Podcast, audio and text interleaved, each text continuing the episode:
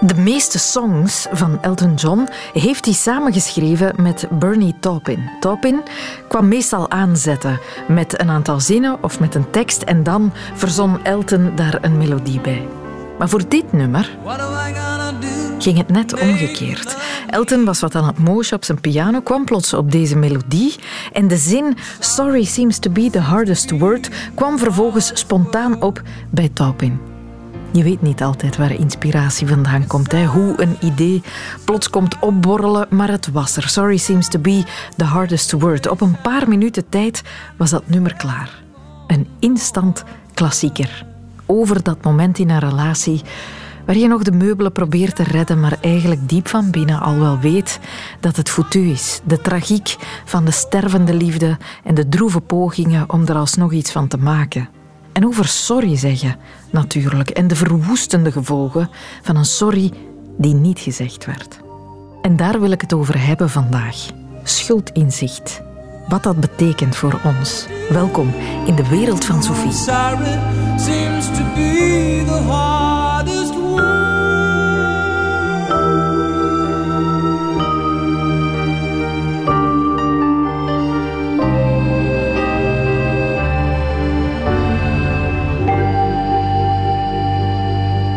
Hechten er klaarblijkelijk groot belang aan dat iemand begrijpt dat hij of zij fout was. Kijk naar rechtszaken waar advocaten er gretig op zullen wijzen hoe berouwvol een dader is. Want dat maakt een groot verschil in hoe we naar iemand kijken, hoeveel sympathie we voor iemand kunnen opbrengen die in de fout is gegaan.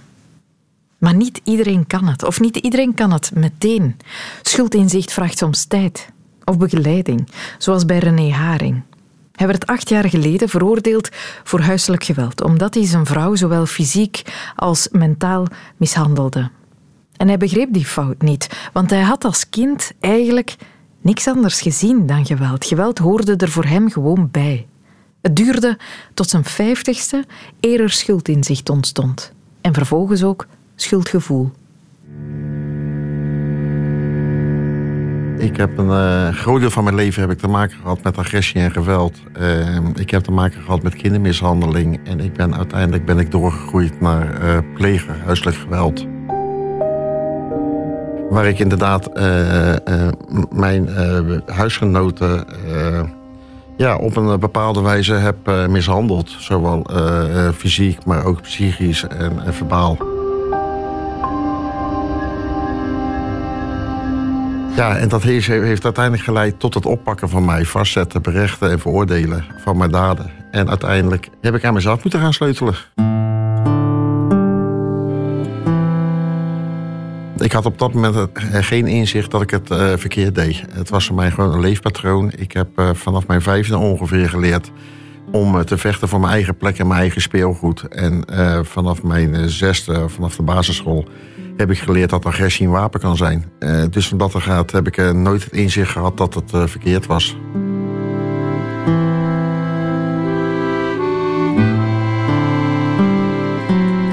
Kan je eens beschrijven wanneer dat, dat gevoel, dat inzicht er dan wel kwam? Um, dat inzicht kwam in 2013. Ik was toen 50 jaar oud. En ik heb toen, ehm, ging ik dingen bij mezelf ervaren waarvan ik zei van joh, dit gaat niet goed. Ik had uh, rond de carnaval had ik van een kastdeur een gatenkaas gemaakt waar mijn partner voor stond. Ik ben toen uiteindelijk bij mezelf gaan, te raden gegaan en, en gedacht van, joh, dit gaat niet goed komen. Dit gaat totaal de verkeerde kant op. Als ik boos word, of werd moet ik zeggen, ja, dan, dan, dan kwam er een beest naar boven. En dat beest, dat deed de dingen eh, voor mij, om het zo maar te noemen. Dus ik werd gewoon een heel andere persoon. Ja, ik was bang dat ik een moord zou gaan plegen in mijn woedeaanval. Dus ik ben uiteindelijk naar uh, het politiebureau gestapt met de vraag of ze me konden vastzetten. Uh, omdat ik een gevaar voor mezelf was en een gevaar uh, voor mijn partner.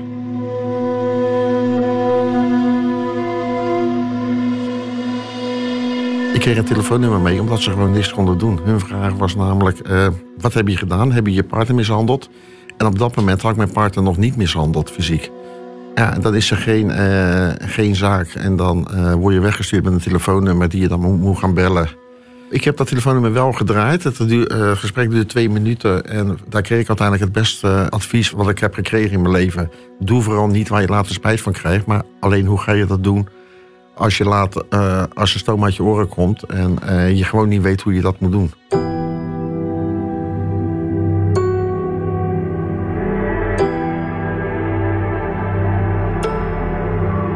In de tijdlijn uh, heb ik eerst naar het politiebureau gehad. Toen ben ik gaan zoeken naar hulpverlening. En uiteindelijk eind juni ben ik vet over de streef gegaan. Waarvoor ik uiteindelijk ben opgepakt. Het is natuurlijk hartstikke fout wat je gedaan hebt. Laat ik dat vooropstellen. Dat ga ik ook helemaal niet ontkennen. Uh, het beest nam het weer over. En uiteindelijk ja, lag mijn paard op een gegeven moment... Uh, ja, bijna bewusteloos op de grond, om het zo maar te noemen. Een dag later is ze met haar dochter aangifte gaan doen. En uh, terwijl zij aangifte aan het doen was... ben ik opgepakt door een behoorlijk wat aantal agenten. Ja, ik geloof een man of acht. Ze stonden al heel snel op het raam te bonken. mijn zoontje was er toen bij... En hun wilde dat ik de voordeur open deed, waar ik ook geen zin in had. Uh, vervolgens zie ik ze langskomen met een, uh, met een stormram. En vanaf dat moment heb ik dan gedacht van nou oké, ik, ik doe de deur maar open. En uiteindelijk ben ik naar buiten getrokken en is er een grote vechtpartij ontstaan. En toen mijn zoontje bij de voordeur stond en die riep heel hard... papa, papa, wat doen jullie met papa? Met een bepaald kinderstemmetje. ja, toen was ik afgeleid en ja, toen hadden ze me te pakken.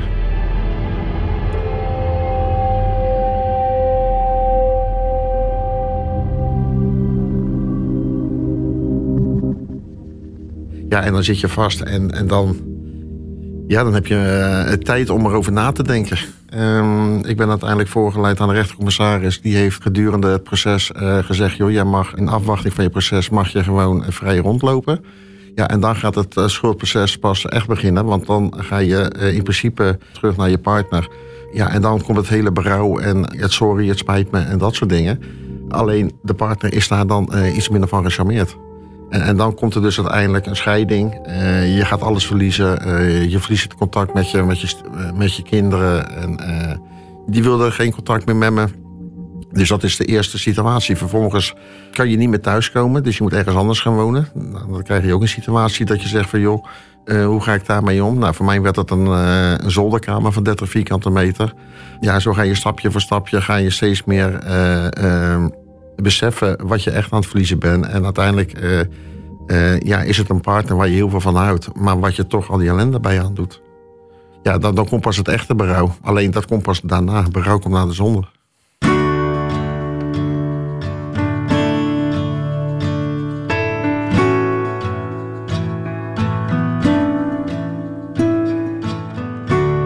Ik heb uh, um, na mijn veroordeling in 2013 uh, heb ik uh, twee jaar forensische behandeling gehad, agressieregulatietraining. Um, ja, toen moest ik na die twee jaar moest ik dus het zelf uitzoeken. Ik kon dat niet. En toen ben ik als allereerste een lotgenotengroep begonnen. En vanuit mijn eigen bedrijf werk ik tegenwoordig samen met, met plegers om inderdaad dat inzicht te krijgen om uiteindelijk aan de andere kant van die lijn te komen om het geweld af te zweren. Hoe doe je dat? Plegers inzicht doen krijgen in wat ze doen? Dat is een, een lang proces. Dat is gewoon het gesprek aangaan uh, en vragen stellen. Uh, kijken van joh, wat, wat zou jou helpen? Het is niet zo van joh, jij moet dit, jij moet dat. Of als je dit niet doet, dan gebeurt er dat. Dan merk je er heel erg snel dat als je mensen laat praten, dat ze uiteindelijk hun hart kunnen luchten. Want vaak is het ook een opeenstapeling van heel veel ellende. Als ze dat allemaal kwijt zijn, dan ga je pas merken eh, dat ze ook dingen willen accepteren. Krijg je soms mensen voor jou die echt totaal geen schuldinzicht krijgen en waarvan je denkt, mm, gaat dat ooit komen? Oh, die zijn er zeker, absoluut. Wat, wat ik altijd uh, doe is, ik, ik veroordeel de daad, maar ik veroordeel niet het persoon. Als dat persoon uh, niet agressief is, kan dat ook een heel goed warm mens zijn. Er zullen absoluut mensen zijn uh, uh, waarvan we dan heel vaak zeggen... joh, uh, dat zijn narcisten. die kijken niet naar zichzelf, die kijken alleen maar naar anderen. Om uiteindelijk de schuld altijd bij een ander neer te leggen en nooit bij hunzelf. Ja, als de wilde niet is om, om te veranderen, dan gaat het niet lukken. Mm. En helaas zijn dat nog heel veel mensen, dus...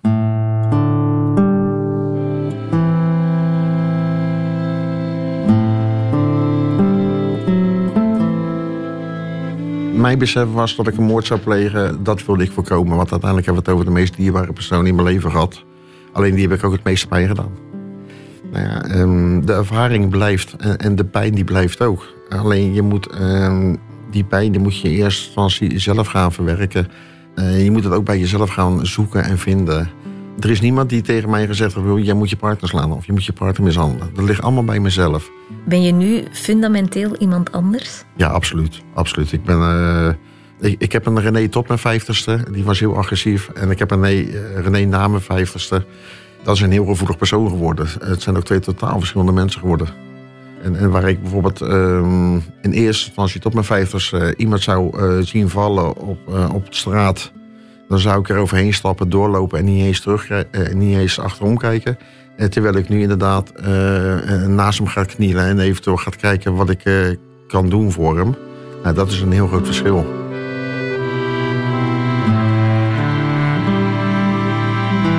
Uiteindelijk lost geweld helemaal niks op. Het maakt alleen maar meer kapot.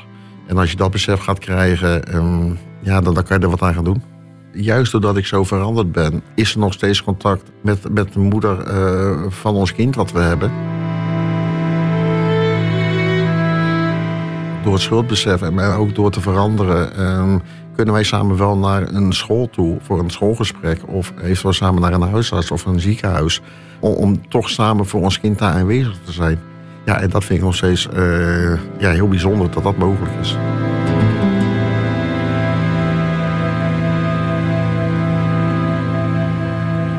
René Haring over het traject dat hij aflegde om tot schuldinzicht te komen en het belang ervan. Een reportage was dat van Anke van Meer. Wart Bogaert kwam ook met zo'n verhaal aanzetten. Het is een verhaal, komt uit een andere podcast, een absolute aanrader. Mocht u hem nog niet kennen, zeker luisteren. Heavyweight is een zeer populaire Amerikaanse podcast en daarin gaat het wel vaker over schuldinzicht, omdat de host, Jonathan Goldstein, in de podcast telkens op zoek gaat naar verhalen van mensen die gebukt gaan onder iets, die ergens mee worstelen en er maar niet in slagen om verder te gaan met hun leven als ze dat ene obstakel niet uit de weg geruimd krijgen. En daarvoor roepen ze dan de hulp in van Goldstein, zoals Scott deed. Uh, Scott is een grafisch vormgever uit uh, Colorado en die heeft een een bijna God ingegeven moment van schuldinzicht als hij in de gevangenis bezoek krijgt van zijn vader. Nu, wat is er aan de hand? Uh, Scott die heeft van in zijn prille jeugd drugsproblemen. Hij is zo'n beetje de belichaming van wat uh, uh, de stepping stone-theorie wordt genoemd. Hij heeft, het is begonnen met een beetje weed en een klein beetje alcohol en is steeds met zwaardere dingen beginnen experimenteren. Cocaïne, heroïne. Begon drugs te nemen om zijn angsten te onderdrukken, maar is ja, zwaar verslaafd geraakt op een bepaald moment, is daardoor in in een negatieve spiraal terechtgekomen, zijn job kwijtgeraakt, is uiteindelijk terug ingetrokken bij zijn vader, zijn vader Win. Maar goed, daarmee was hij nog altijd van zijn verslaving niet af natuurlijk. En had ook steeds meer geld nodig uh, om aan die drugs te geraken. Geld dat hij dus niet kon verdienen, omdat hij uh, zijn job was kwijtgeraakt. En hij is, en ook dat is een beetje een vorm van die stepping stone theorie, hij is dingen beginnen stelen van zijn vader Win. Uh, zijn vader was een soort hoarder, een man die niks kon weggooien, die alles maar bewaarde. En hij is dus in, ja, in de kelder, in, in alle collecties van zijn vader beginnen snuisteren en is dingen beginnen verkopen. Oude radio's, een gesigneerde baseballbat van zijn vader, uh, klokken, uh, serviezen en dergelijke meer. Hij is dat dan gaan verkopen, die spullen, op rommelmarkten, in pandjeshuizen, op veilingen, in tweedehandszaken enzovoort en zo verder. Die vader liet dat maar een beetje begaan zat er, ja, zat er wat ongerust naar te kijken, maar greep niet echt in. Tot op het moment dat uh, Scott is begonnen, je voelt het al komen, met geld stelen van zijn mhm. vader. En dat kon hij natuurlijk niet meer laten passeren. En dan komt het vreselijke moment dat, je, dat die vader beslist van ik ga mijn zoon laten arresteren. De politie komt hem thuis uh, arresteren. Twee weken later, Scott zit dus in de gevangenis, krijgt bezoek van zijn vader. En die vader die heeft een lijst mee van een stuk of vijftig items, twee kolommen op een blaadje, een stuk of vijftig items van dingen die Scott van hem heeft gestolen. En bovenaan die lijst staat een Luger. een geweer. Een pistool dat Wins vader, Scots grootvader, in de Tweede Wereldoorlog van een Duitser had gestolen. Dat dus het pronkstuk was van Wins collectie. En dan gebeurt het. I've only seen my father cry when his dad passed away, when my mom passed away, and in that jail when he was telling me about him knowing about the gun being gone. Ja, hij had zijn vader nog maar drie keer in zijn leven zien wenen toen zijn vader stierf, toen zijn moeder stierf en toen hij besefte dat hij zijn geweer kwijt was. Dus dat is het moment waarop Scott beseft van wat heb ik toch in hemelsnaam gedaan? Dit is verschrikkelijk. Hier moet ik iets aan doen. I have all but forgiven myself for a lot of the things that I've done in the past. But this is one thing that no matter the amount of counseling, it still bothers me on the deepest level that I did this to my dad. Ja, ik heb, me, ik heb heel veel aan mezelf vergeven, zegt hij. Ik heb heel veel therapie gevolgd. Maar dit is nu dat ene ding dat ik mezelf niet kan vergeven. Dat ik dat mijn vader heb aangedaan. Namelijk dat ik dat geweer eh, heb gestolen. Nu, Scott komt na verloop van tijd vrij. Begint dan aan een heel zwaar rehab-programma. Heel lastig allemaal. Maar hij heeft natuurlijk die ene drijfveer om daar allemaal door te geraken. Om definitief en voor altijd af te kicken van die drugs. Die ene drijfveer is, ik moet dat geweer terugvinden. En dus start hij een kweeste. Er komt trouwens nog een drijfveer bij, een belangrijke drijfveer om dat geweer terug te vinden. Namelijk, er is een kerstfeestje bij de familie. En Scott beslist, kijk, al die dingen, die andere dingen die ik heb teruggevonden, ik zal dat allemaal verpakken in cadeaupapier en ik zal dat geven aan mijn vader als cadeautje voor zijn, voor zijn kerst. Maar op dat kerstfeest zit ook nonkel Bill, de oudere broer van zijn vader. Die vindt dat dat geweer dat Scott dus is kwijtgeraakt, die vindt dat dat geweer hem eigenlijk toekomt als oudste zoon en niet aan Win, de vader van Scott. En dat is een extra drijfveer. My uncle, you know, basically says, "Oh, well, is the Luger in there? Is the Luger one of the things that you were able to get back?" And and was like, "No, no, not, not wasn't able to find that." And then that led to probably about a ten minute spiel of his about how important that gun was to him. And I remember the day when I found out that that was stolen. It still bothers me. And and and it was just like in the middle of Christmas morning, and we're handing out presents, and every word that he said just like, ugh. It felt like a kick in the gut. Ja, dus Scott dacht, ik zal het een klein beetje goed kunnen maken door al die andere rommel terug te geven aan mijn vader. Maar onkel Bill die wijst er toch wel keihard op van nee, we moeten absoluut die Luger terugvinden, want dat is het pronkstuk van de familie. Dus op dat moment schakelt Scott Jonathan Goldstein en de podcast eh, Heavyweight in en ze gaan samen op kweesten om dat eh, verloren gewaande geweer dat hij verkocht heeft in een pandjeswinkel eh, te gaan En terugvinden. een kweeste is het, hè? Een kweeste is het. We gaan spoilen, Sophie. Ik heb, besloten, ik heb er lang over nagedacht, maar kijk, we gaan spoilen.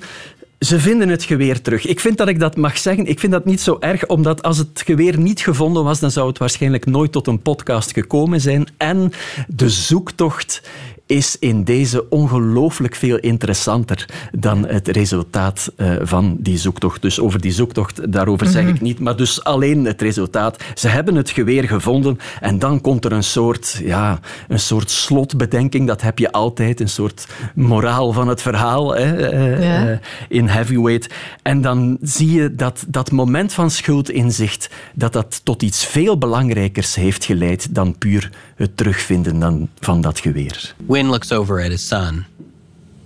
Don't let it bother you anymore. The greatest prize that I got out of this whole thing was the fact that even though all this crap disappeared, I got to get my boy back. The funeral plot that I had bought for myself to be next to your mom, I thought I was going to have to bury my son in it. And I am delighted that I never had to do that. That's ever so much better. Kijk, Oh my god. hij had, Mijn een, hart. hij had een plekje op het kerkhof gereserveerd voor zichzelf naast zijn vrouw. En hij had altijd gedacht, ik ga mijn zoon erin moeten begraven. En door dat ene moment van schuldinzicht in de gevangenis heeft die vader dus niet alleen zijn geweer terug, maar heeft hij vooral zijn zoon terug. Mooi verhaal uit een ongelooflijk goede podcast. Elke aflevering van Heavyweight is een nieuw verhaal. Zeker de moeite om eens te checken. Maar dus Twee verhalen hoorde je van twee daders die vertellen wat het inzien van hun schuld betekend heeft. En dat is dus niet weinig. Integendeel, het is in beide gevallen levensbepalend geweest. En schuldinzicht is al even levensbepalend voor slachtoffers, voor de benadeelden. Het helpt hen om verder te kunnen met het leven. Annemie Hemelaars weet hoe lastig het is wanneer er geen sorry komt. Annemie verloor haar dochter van 21 bij een verkeersongeval in 2001. En ze heeft zeer lang gewacht, maar nooit excuses gekregen. En dat steekt. Intussen, twintig jaar later, wacht ze niet meer. Maar heeft ze zich geëngageerd in een vereniging om ook andere ouders met gelijkaardige verhalen te helpen hun verlies een plaats te geven. OVK, Ouders van Verongelukte Kinderen. Uh, het is een vereniging waar je zeker geen lid van wilt worden. Ik denk dat niemand daar lid wilt van worden. En wij zijn een lotgenotenvereniging. Het is te zeggen, um, door het feit dat wij aan elkaar ons verdriet kunnen tonen, uiten, door te lachen of door te wenen, je voelt je gesterkt dat je niet alleen bent en dat je juist hetzelfde meegemaakt hebt. Ook uh, onze weekends, onze praatgroepen, ons, ons praatwandelingen dat helpt heel, heel, heel veel mensen in hun verwerking van hun rouwproces.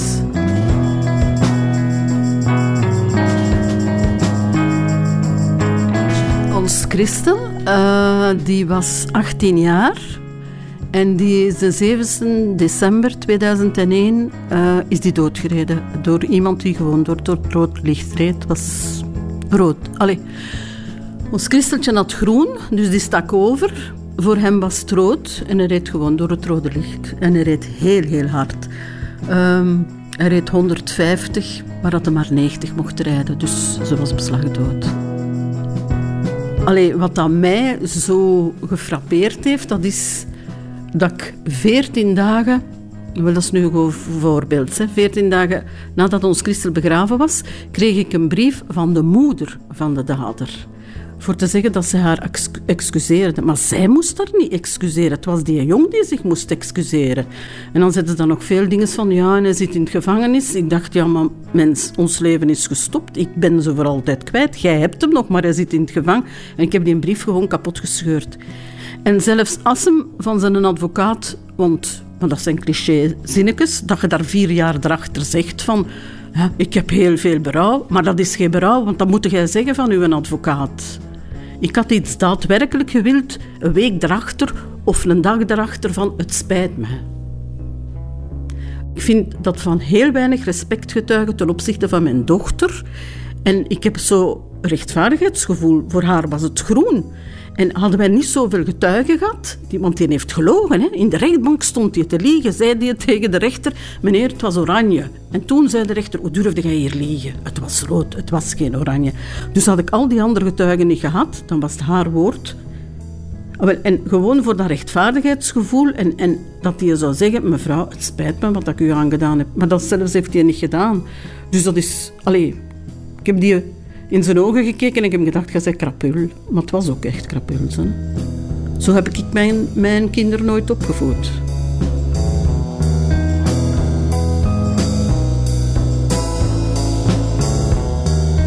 Vooral omdat het dan al de tweede keer was, het jaar ervoor, in een bouwde kom, nog iemand omvergereden. Maar die was niet overleden.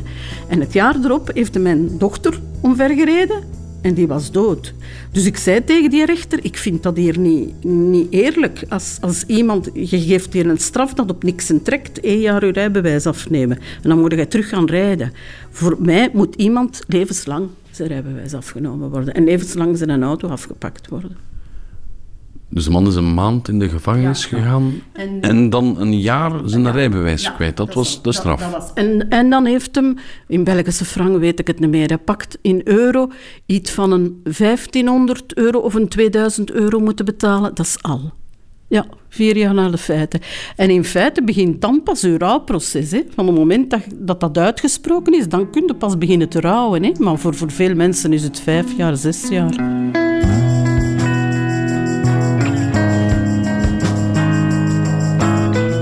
Heeft kans gekregen, heeft ze niet gegrepen. Dan ja.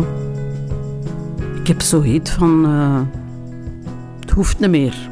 Het is... Uh, wat dat, ik ga u eerlijk zeggen, dat heeft het trouwproces wel bemoeilijkt. Dat heeft het moeilijker gemaakt. Hè? Als je iemand hebt die, die samen met u kan wonen en die zegt... Oh, mevrouw, dat spijt me vreselijk wat ik gedaan heb. Allee, hoe kan ik het goed maken? Of zo, dat zou veel gemakkelijker geweest zijn. Heeft het ons ook niet gemakkelijk gemaakt. Hè? En ook die advocaten, die doen er geen goed aan. Hè? Die doen er geen goed aan. En kun je je voorstellen dat je een advocaat zegt... je moet vier jaar wachten voordat je de verontschuldigingen aan die mensen mocht aanbieden? Stuk dan een anoniem briefje in de bus. Of, of doe iets wat dat u een advocaat niet weet. Maar probeer toch enig empathie te tonen ten opzichte van die slachtoffers.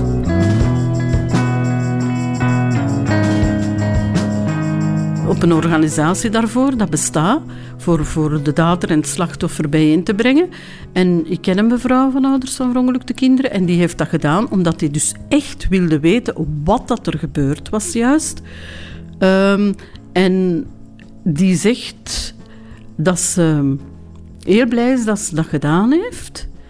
Dat ze nu ook weet wat dat er in die zijn kop rondgegaan is en wat dat er gespeeld heeft bij hem.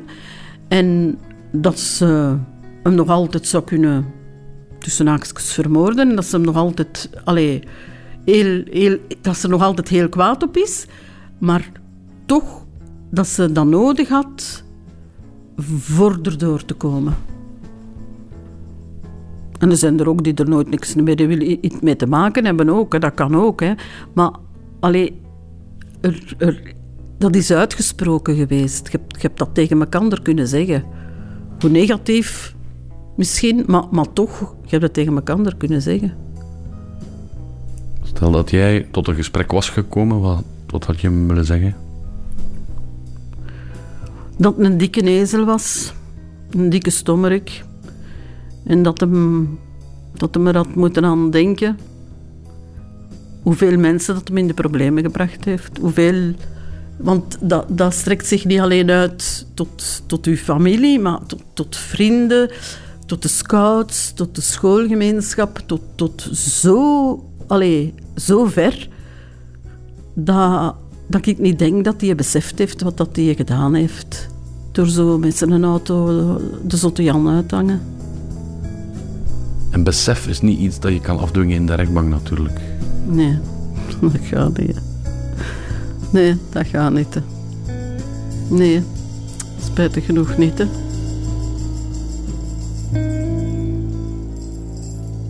Schuldinzicht kan je niet forceren. Je kan het misschien wel proberen bewerkstelligen. Annemie vertelde net over die mensen die bij een vereniging terechtkomen die slachtoffer en dader samenbrengen, hoeveel die mensen daaraan gehad hebben. Ze verwijst daarmee naar VZ2-moderator. Die doen inderdaad aan slachtoffer-daderbemiddeling.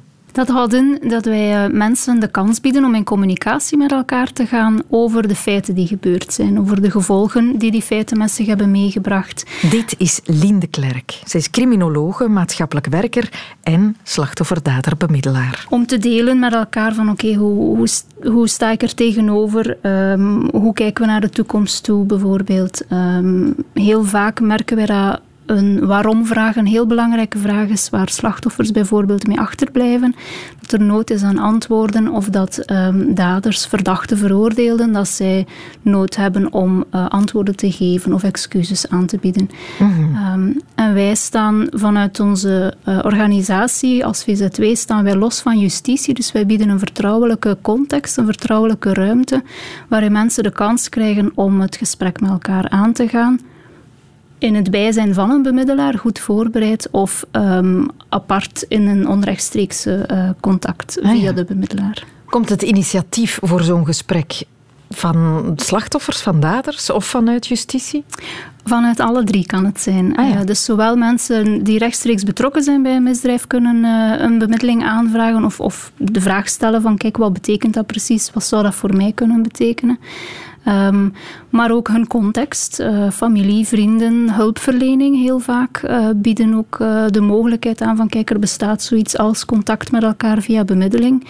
En ook justitie is een belangrijke partner om uh, mensen te informeren. Uh, dat is iets waar wij heel veel aandacht aan besteden, is mensen informeren over het bestaan van bemiddeling, het bestaan van jullie kunnen contact hebben met elkaar als jullie dat willen. Um, mm Dat is een hele belangrijke, is dat het om een vrijwillig contact gaat, dat mensen niet verplicht kunnen worden. Ook niet omdat justitie informeert. Ja. Uh, mensen kunnen niet verplicht worden om het gesprek met elkaar aan te gaan of om naar elkaar te luisteren of met elkaar te praten. Um, maar het feit dat ze daar zelf in kunnen kiezen is wel, uh, wel van belang. Ja. Wij zoeken altijd naar de meerwaarde voor elke partij in, in een contact. Um, wat is er voor jou belangrijk om in contact te komen met de andere partij? Mm -hmm. Als we dan horen bij een slachtoffer, is dat vaak het kunnen stellen van de waarom-vraag. Dat is een heel uh, centraal thema vaak. Um, het op zoek zijn naar erkenning. Hoorde je misschien ook daarnet in de reportage van ja, wij hebben zoveel leed meegemaakt. Um, wij willen daar op zijn minst een erkenning voor. Een, een kleine ja, connotatie van oké, mm, excuses aanbieden, excuses kunnen uh, horen. Uh, betekent soms vaak veel voor, voor slachtoffers of nabestaanden. Mm Maar ook voor um, het, het, zoeken naar antwoorden is ook heel vaak een motivatie. Uh, in die zin dat justitie haar eigen traject gaat en dat uh, de zaak onderzocht wordt, dat er vaak ook een vonnis wordt uitgesproken door de rechtbank, maar dat daarom niet alle antwoorden voor een slachtoffer al gegeven zijn. En soms is het belangrijk dat je bepaalde zaken kan horen uit iemands mond, rechtstreeks, uit die net rechtstreeks andere betrokkenen daarbij. Mm -hmm. Voor um, de daderkant. Um, gaat het hem vaak om ja, het kunnen aanbieden van excuses is een belangrijk thema. Ja. Um, mensen die ja, bijvoorbeeld inderdaad tot een bepaald door een bepaald traject te gaan. Dat hebben we daarnet ook bij die Nederlandse man gehoord, door een bepaald mm traject of in, in de, de, podcast. Door een traject te gaan, komen mensen tot een bepaald inzicht wat dat ze een medemens hebben aangedaan. En daarover het gesprek kunnen aangaan, daarover um, kunnen aantonen, van excuses aanbieden, uh, kunnen aantonen hoe fel dat besef is binnengekomen, is soms ook een thema dat in een bemiddeling aan bod komt. Um, even goed erkenning geven voor wat dat er gebeurd is. Als een dader een gesprek vraagt, want die kan dat ook, gebeurt dat meestal vanuit schuldinzicht of zijn daar andere motieven ook soms? We kunnen dat een stukje opdelen in um, globaal gezien, hè, eh, intrinsieke en extrinsieke motivatie. Extrinsiek gebeurt het vaak dat inderdaad iemand aangeeft van dat zal wel goed staan voor mijn dossier als ik contact zoek. Ehm, maar dan is het aan ons ook, wij staan volledig buiten justitie, dus we werken vertrouwelijk. Ehm, als de, de, de vertrouwelijke ruimte van een bemiddeling uh, staat ook los van het hele gerechtelijke dossier. Um, en dan kan het ook wel gebeuren dat iemand daar toch wil mee verder gaan. En dat hij dan toch wel aangeeft van ja, um, ik, wil, ik wil toch, ja, ik, ik ben beginnen nadenken. Ik zoek in mijn eigen omgeving welke gevolgen die ik um, veroorzaakt heb. Ik heb bijvoorbeeld zelf een kind, uh, of ik zie welk leed ik mijn ouders heb aangedaan daardoor. Uh, dus ik wil van daaruit toch het gesprek proberen aangaan of het contact proberen leggen. En het gebeurt ook dat doorheen een, een uitwisseling van vragen en antwoorden excuseer, van vragen en antwoorden, um, dat mensen tot een vorm van intrinsieke motivatie komen. Als ah ja, dat het schuldinzicht ontstaat tijdens de bemiddeling, tijdens het gesprek. Het kan, ja, zeker. Um, mensen hebben ook vaak al een heel uh, voortraject afgelegd voordat ze bij ons komen. Het kunnen en durven kijken naar zichzelf. Uh, van wat, heeft, wat heb ik als medemens veroorzaakt aan iemand anders? Um, in vorm van ja, het zoeken naar van oké, hoe ga ik hiermee om? En dan is een van de aspecten waarmee dat je geconfronteerd wordt, zijn de slachtoffers.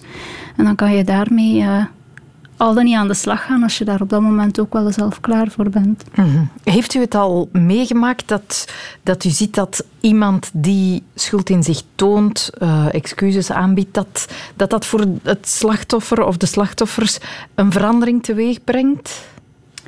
Het kan een kentering uh, geven voor beide partijen. Ja. Het kunnen uiten, dat is ook waar wij voor proberen voor te staan, is dat mensen naar elkaars verhaal kunnen luisteren. Zonder dat ze moeten akkoord gaan met de ander zijn verhaal, maar dat ze het kunnen horen. Hoe is het voor de andere geweest om dat mee te maken?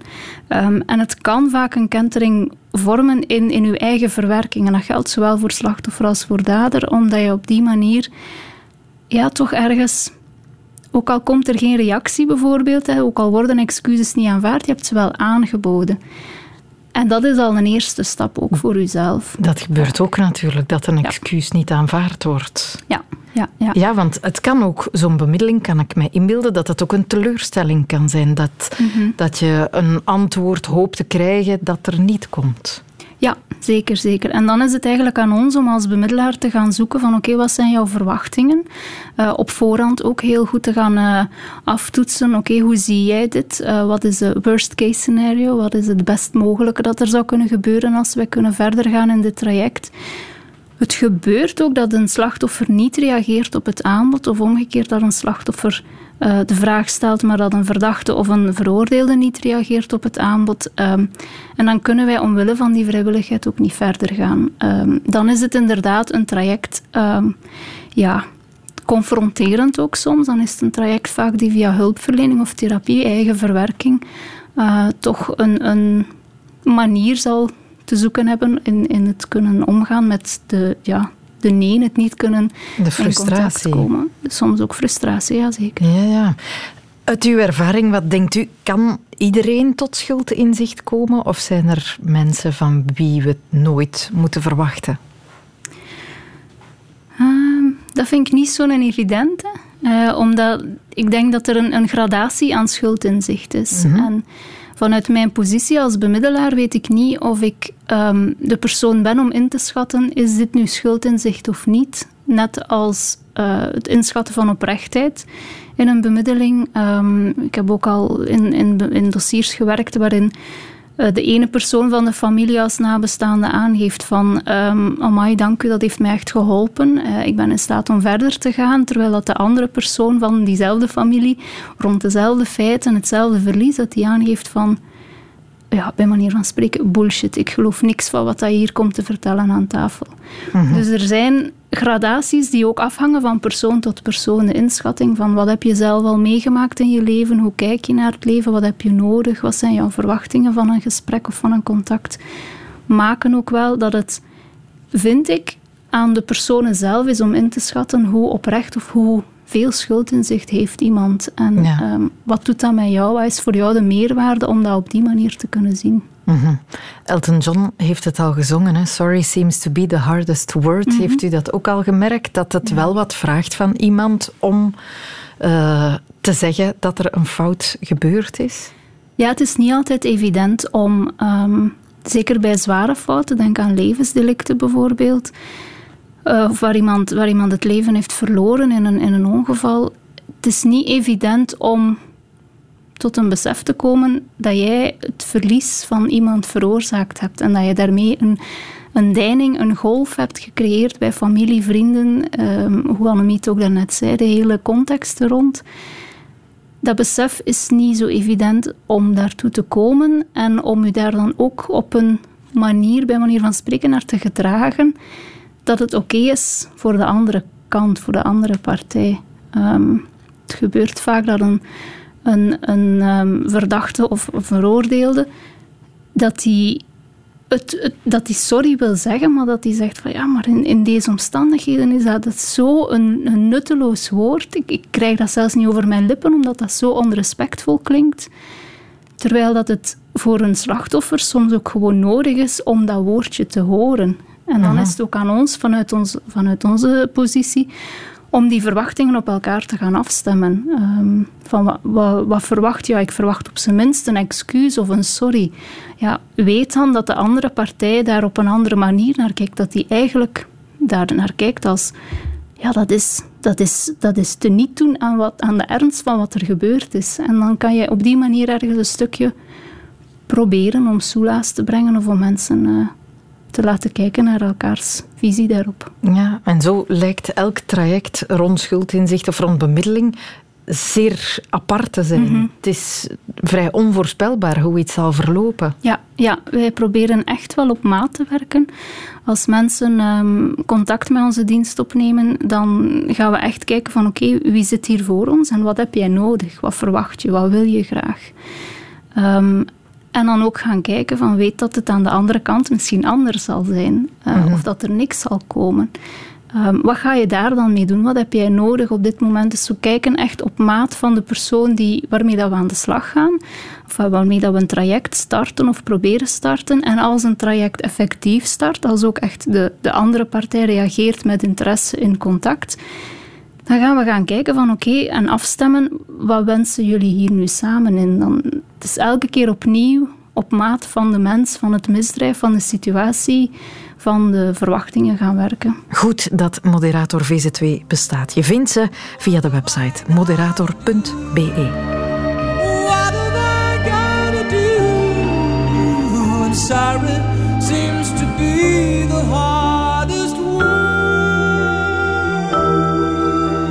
Dit was de wereld van Sophie over schuldinzicht. Fijn dat je geluisterd hebt. Volgende week is er weer een nieuwe podcast. En je hoort ons natuurlijk ook elke weekdag op Radio 1 tussen 10 uur en 12 uur. Dus ik ontmoet u graag zeer gauw. Dit was een podcast van Radio 1. Ontdek nog meer podcasts van Radio 1 in onze app en op radio1.be. Radio 1. Altijd benieuwd.